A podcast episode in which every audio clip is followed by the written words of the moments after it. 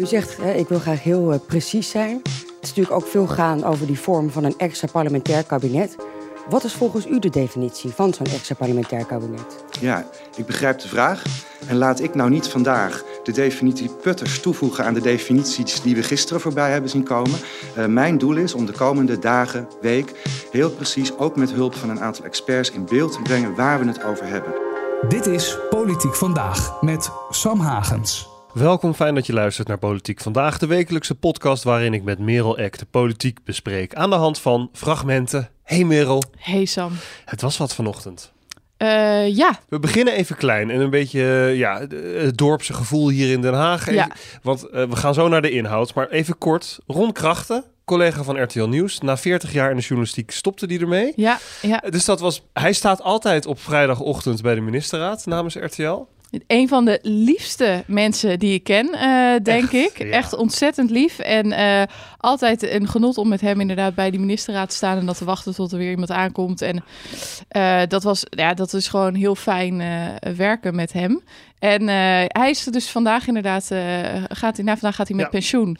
Er is een hoop geruzie vaak tussen journalisten en politici, maar vanochtend was dat er niet. Jij had ook nog wat voor hem meegenomen. Ja, ik had uh, drie uh, geraniums meegenomen, uh, in potjes gedaan en die even voor hem neergezet, zodat hij alvast kon wennen uh, aan het, het, leven van achter de geraniums. Ja, dat vond Erik van den Burg een hele goede grap. Het is mijn laatste dag. Ik sta al achter de geranium.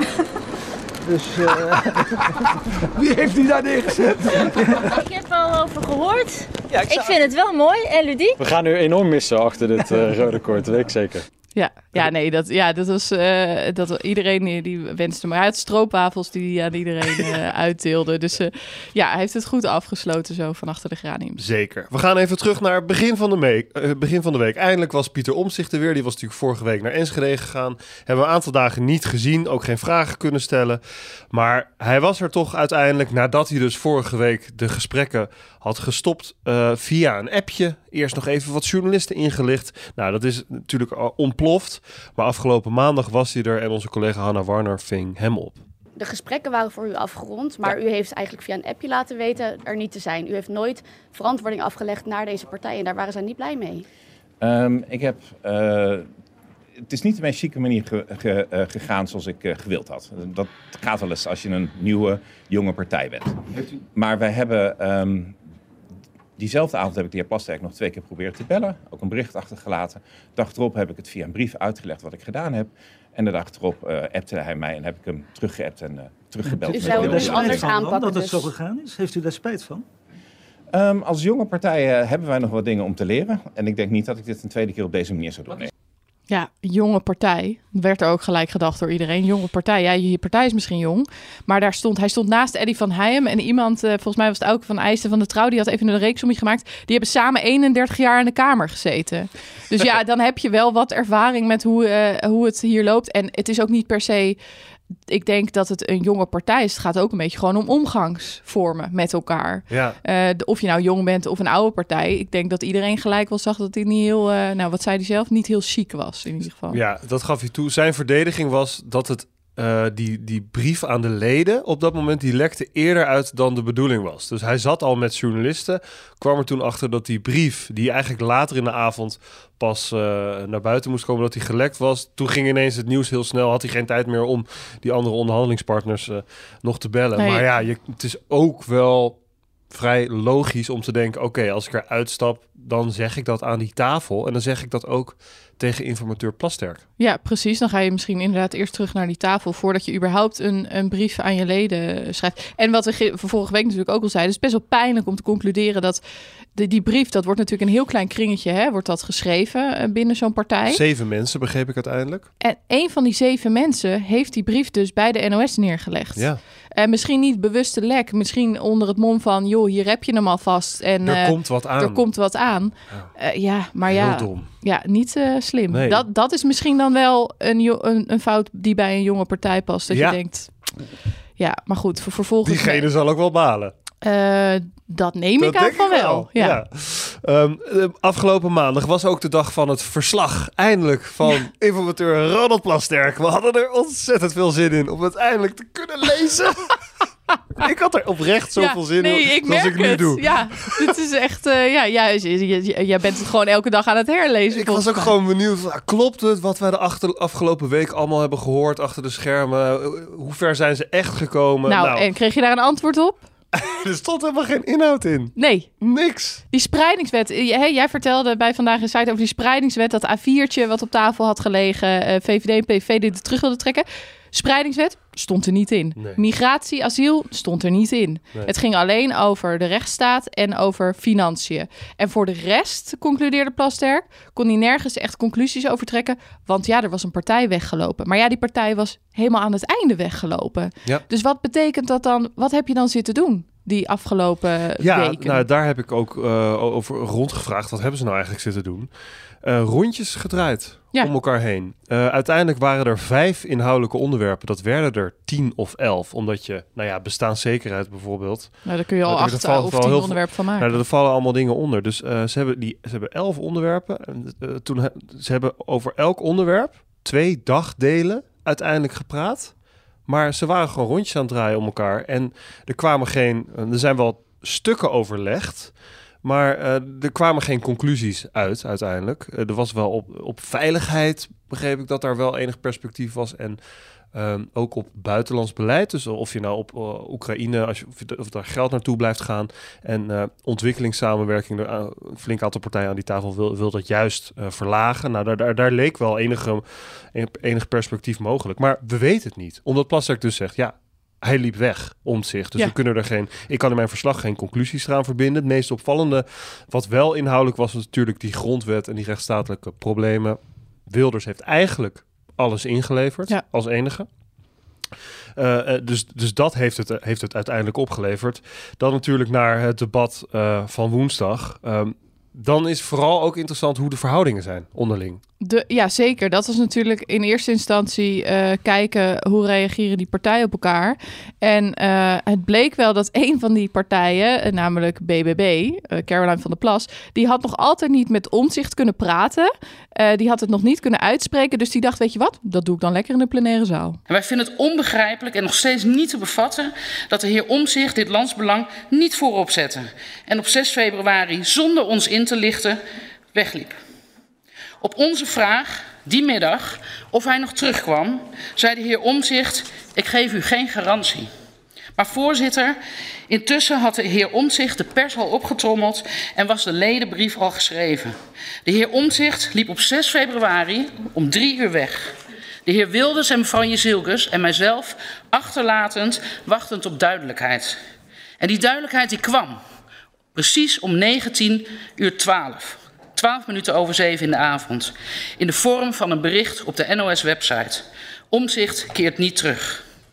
De media in heel Nederland wisten het eerder dan wij. Ja, zo, en dan zegt ze dan niet chic, nou ronduit schofterig, Ja, zegt ze ja, dat zegt ze ook. En ze, dus ze, is echt, eh, ze was echt heel boos. En dat kwam inderdaad doordat zij meerdere malen ook had gevraagd aan omzicht: wil je, wil- ik wil met je praten.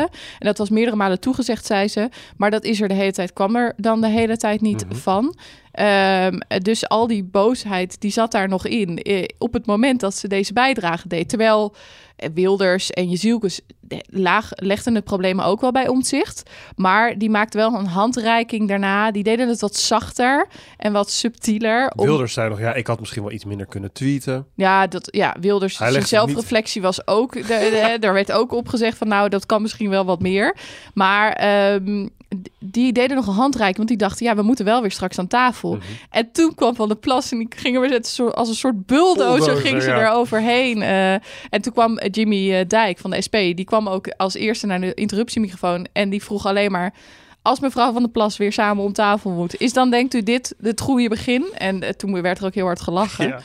Maar nee, die verhoudingen die lagen totaal niet lekker. Nee, en dat wel. gezicht van Omtzigt stond echt ook op onweer toen dit eh, allemaal gebeurde. Over Jimmy Dijk gesproken, want ik, ik heb nog een fragmentje van hem wat ik eruit wil lichten, waar het eigenlijk niet zo heel veel over is gegaan. Hij is natuurlijk, heeft Lilian Marijnissen opgevolgd eh, bij de SP. Marijnissen die uh, maakt nu furoren bij Vandaag Inside. En die is blijkbaar in gesprek Ze met... is in gesprek voor, te gaan presenteren Ja, voor allerlei programma's. Ehm, ik denk dat het voor haar eigenlijk best wel een goed, goede zet is geweest, ook persoonlijk. Dat Om weg te gaan. Nou ja, dat, ik, het past veel meer bij haar, wat Ja, ze nu dit- allemaal doet. Ja, en, de- en dit kon, dit kon ook niet het kon niet meer. Maar het voordeel voor Jimmy Dijk is, tenminste zo, eh, zo- eh, als je het er niet mee eens bent, dan zeg het vooral. Maar zo ervaar ik het een beetje. Hij is nieuw. En eh, ja, hoeft zich, omdat hij nieuw is, zich ook eigenlijk niet te houden aan de Haagse regels. Dus er is nou eenmaal een formatie gaande. Dan is de uitleg altijd, ja, zolang die formatie gaande is, kunnen we niet allemaal plannen door de Kamer heen krijgen. En eh want ja, er wordt over onderhandeld. Hij houdt zich daar niet aan. Ook het ga- bij dat debat ging het ook niet over bestaanszekerheid, terwijl hij daar wel allemaal voorstellen over had. En ehm, ja, die diende hij gewoon in. En iemand zoals Henry Bontebal loopt hier al iets langer rond, houdt zich wel aan die Haagse regels, ging daar tegen in. Dit soort moties zijn natuurlijk wel een beetje bedoeld om partijen vooral klem te zetten. Klopt. Ehm, en dat heeft ook wel iets kinderachtigs, toch? En Het is ook wel een beetje oude politiek om dat zo te doen. Dus kunnen we niet gewoon afspreken heel weinig moties in te dienen? Alleen de moties die er echt toe doen. Want u weet natuurlijk wel waar dit eindigt. De heer Bontebal, ik, eh, ik, ik snap uw punt. Ik ben het er alleen totaal niet mee eens. Echt totaal niet. Ik, nee, ik wil ook even kort uitleggen waarom niet. Omdat hier partijen zitten, vier partijen, die allemaal de mond vol hadden over eh, bestaanszekerheid. En die hebben drie maanden lang, zijn ze eigenlijk tot niks gekomen. Behalve een blaadje over de democratische rechtsstaat. Daar staat gelukkig in dat sociale grondrechten uiterst belangrijk zijn. Volksgezondheid, volkshuisvesting, bestaanszekerheid, boter bij de vis, leveren. Het kan nu, alle partijen die hier zitten, allemaal. Ja, en overigens heel even tussendoor Bosma. Die dan zegt, daar ben ik totaal niet mee eens. Dank wel. dank u wel. Oké, dank u wel. Maar hoe luister jij naar? Ehm, nou, ik, eh, dit doet hij al weken. Eh, dit, dit indienen en zeggen, ja, we kunnen het nu doen. Hij heeft het over de eigen, met eigen risico bijvoorbeeld gedaan. Afschaffen. Dus ja, we hebben hier gewoon een meerderheid. Heeft hij de PVV voor de voeten geworpen, hè? Fleur Agema. Van ja, we- we- j- jullie zeiden dat het nu kon, hè? In het SBS-debat. Het moest nu. Mevrouw kon niet meer wachten. En dan nu opeens wel in de Haagse morgens meegaan. En zeggen, nee, we zijn aan het formeren. Ehm, daar kun je natuurlijk inderdaad hè, van zeggen, ja, zij zeiden zelf ook dat het nu moest. En ik denk eerlijk gezegd, als de PVV niet in het formatieproces had gezeten, hadden zij exact hetzelfde gedaan. Ehm, maar het- is ook makkelijk als je niet meedoet aan het formatieproces. Ik denk dat het meer ligt aan het feit dat je in de oppositie zit, als Jimmy Dijk zijnde, dan dat je per se nieuw bent. Ik denk namelijk dat Lilian Marijnissen dit ook had gedaan. Ja, dat weet ik niet of zij het ook op zo'n manier had gedaan. Ja, ik, ik denk het wel, omdat je, je kan gewoon eh, heel makkelijk vanaf de zijlijn, vanaf de eh, oppositielijn, zeg maar, dit Ja. soort dingen doen. Aan de andere kant, je kan ook zeggen, joh, eh, tijdens een formatiegesprek kun je dit best wel doen. Kun je hier best wel mee instemmen. Dan moet je er alleen rekening mee houden aan de formatietafel. Ja. Als je nu al geld gaat uitgeven, dan moet je dat dus meenemen in je berekeningen straks. Ja, daar kun je van ook van zeggen dat zou kunnen. Het punt is dat zo'n formatie die zo lang duurt, terwijl je een hele duidelijke uitslag, uitslag hebt, dat, dat dat valt niet meer uit te leggen. Nee, zeker dat dat niet als zo, het straks... hè, zo lang ja. gaat duren allemaal. Als het straks eh, eh, een jaar duurt of zo, ja, Ja. dan, dan ligt ze, zo lang liggen er dingen stil. Dan kun je bijna niet meer volhouden dat je niet dit soort beslissingen kan nemen. Ik denk dat het wel. Hij is hier consequent in en dat het ook wel bij de SP-achterban en misschien wel bij andere achterbannen ook wel aanslaat. Door Eh, dit telkens te blijven doen. Want het wordt steeds pijnlijker. Hoe langer die formatie duurt, Ja. hoe pijnlijker het wordt dat het ze niet lukt. Ehm, over kostbare tijd gesproken. eh, informateur Kim Putters die, eh, ja, wil nu met alle fractievoorzitters om tafel. Maar gaat, zich, gaat eerst een week voorbereiden. Want vanochtend zat hij met Herman Cenk Willink en Tom de Graaf. Van de, die laatste is van eh, de Raad van State. Cenk Willink natuurlijk heel ervaren in eh, formaties. Chain, chain, chain. Dus ja, dat moest, en dat is de hele week gamt dat al nu door mijn hoofd. Maar, Maar dan moet hij weer een week. Kijk, ik ben. Jij gaat straks op vakantie. Dus jij bent blij dat er volgende week geen, geen gesprekken zijn. Maar dan moet hij weer een week voorbereiden. Dan denk ik, ja, jongens, trek de pleister er gewoon vanaf. Die vier moeten door. Ja, ja en voorbereiden. Ja, voorbereiden. Je kan dan ontvang dan misschien de, de partijen die al hebben gezegd, joh, ik wil eigenlijk, nou, kom misschien snel op een kopje koffie, maar daar laat ik het dan ook bij. Nou, dat kun je ook doen. Dan kun je de rest gewoon voorbereiden. Met Ja. die partijen hoef je niet per se lang op tafel te zitten, natuurlijk. Extra parlementair. Och, ja. Wat is het, Sam? Wat is het? Ja, we hoorden eh, eh, ook eh, Kim Putters aan het begin van deze aflevering eventjes daarover. Dat hij zijn definitie. Ik ga niet definitie putters er ook nog aan toevoegen, Nee. inderdaad. Want ik denk dat we wel, pff, wat is het, acht, negen, tien verschillende definities hebben voorbij horen komen hier in Den Haag. Het punt is volgens mij dat je het buiten het parlement inricht. En als je het echt goed wil doen met hulp van de koning, nou, dat, dat, kan, al, dat kan al niet. Nee, maar en, je, en het enige volgens mij, dus nou ja, goed, maar dit, nu gaan wij. Eh, nu gaan we mij. definitie Hagens en Eck er ook nog aan toevoegen. Nee, John Bell had op Twitter een, eh, een plaatje gepost. Die zei: Als je het echt extra parlementair doet, dan is Ja. het dus dat je formateur aanstelt. En die gaat helemaal buiten het parlement om. Ja. Gaat allemaal, eh, eh, gaat een kabinet samenstellen. Ja, ze- en, Dat en is- dat is niet wat ze nu willen. ze willen niet de volledig. Ze willen wel nog met partijen enigszins een. re- Want dat zei Caroline ook tegen jou. Ja, ik zei, eh, Caroline Wat van der voor- Plas ja. die gaf een heel, hele uitleg. En toen zei ik, maar is dat niet een soort meerderheidskabinet, maar dan met minder dichtgetikt? En toen zei ze, ja, zo, nou ja, zo kun je het ook noemen. dus het is ook allemaal niet heel erg We duidelijk. gaan nog even luisteren. Voorzitter, een extra parlementair ehm, kabinet of extra parlementair is een term waar iedereen een ander beeld bij heeft. En hoe je dat dan precies vormgeeft, zal je met elkaar dan ook moeten bespreken. Er zijn ook varianten van een extra parlementair kabinet, waar bijvoorbeeld niet alle eh, bewindspersonen uit buiten de politiek komen, maar een aantal gewoon wel door de politieke partijen en een aantal niet. Er zijn ook daar weer varianten over dat je toch ook die, die uitslag van die verkiezingen ehm, zijn neerslag kan laten geven in zo'n extra parlementair kabinet. Wij hebben gezegd dat wij eh, een breed extra parlementair kabinet wenselijk vinden. En dat we ehm, in de brief die wij, in het statement dat wij op 10 januari gemaakt hebben, hebben we gezegd dat we in principe geen ministers leveren. Ja. Voor een smal extra parlementair Smal, kabinet. breed, wel of geen ministers van buitenaf. Eh, misschien wel met een aantal partijen vanuit de Kamer. Eh, ja, nou, het We is... gaan er niet uitkomen. Maar de vraag is: is het belangrijk of is het kunnen we gewoon laat ze lekker een vorm vinden die bij ze past en dan plakken we er aan het einde plakken we er een sticker Nou. op. Dus niet aan de voorkant. Ik geef het door aan Kim Putters dit. Ik ga deze doorsturen. Nee, jij, maar jij misschien, de kom- oplossing. misschien komt er wel een hele nieuwe definitie. En, en dat wordt. geniaal eigenlijk? Oké, nou we gaan door. Jongen. Maar al met al even concluderend deze week. Zijn we nou terug bij af? Of zijn we nog niet eens terug bij af en zijn we nog daarvoor? Ehm, ik, heb, ik denk dat er iets wat progressie is gemaakt omdat je hebt de rechtsstaat. Ja. Daar zijn eh, dingen over afgesproken. Ze hebben natuurlijk heel veel met elkaar om tafel gezeten. Dus ze weten wel een beetje van die partij in ieder geval hoe de hazen lopen.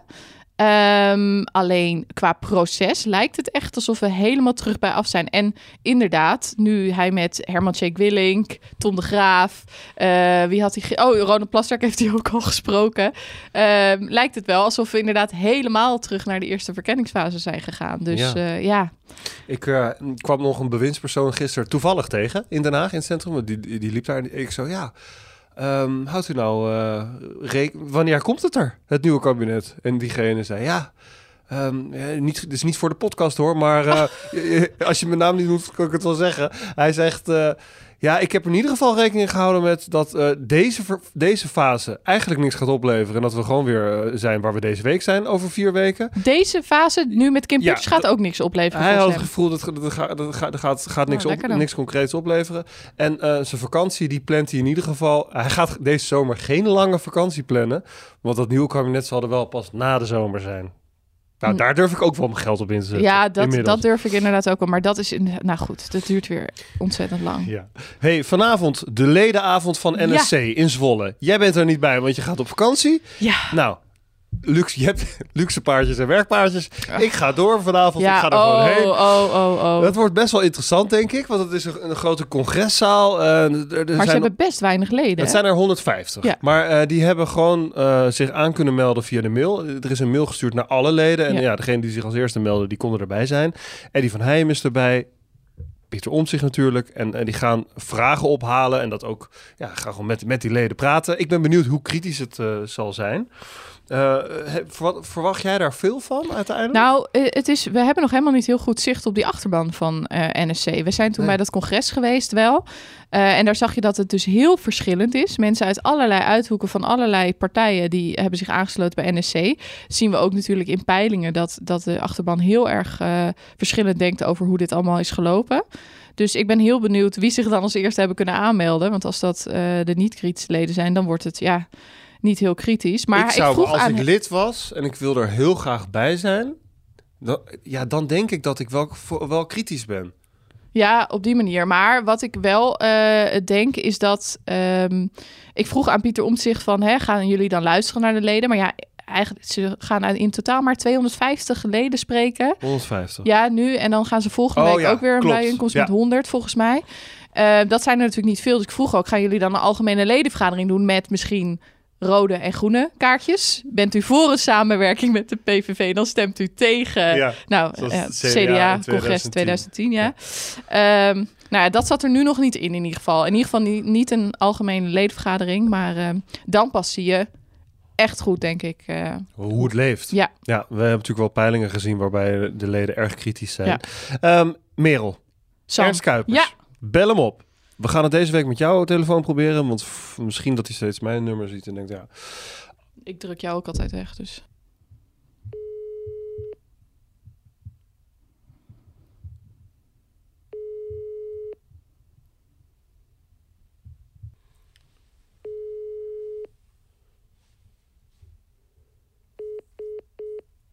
Helaas. Meneer Kuipers, als u dit hoort, volgende keer opnemen alstublieft. Dit was hem weer. Dit was hem weer. Hele fijne vakantie. Dankjewel. Heel veel sterkte hè, met Ja, eh, komt goed. al het harde werk. Er is helemaal niks volgende week. Er Nee. is geen politiek nieuws, geen formatie, geen ministerraad. Het is dus de week daarop zijn we er wel weer. Bedankt voor het luisteren en tot over twee weken.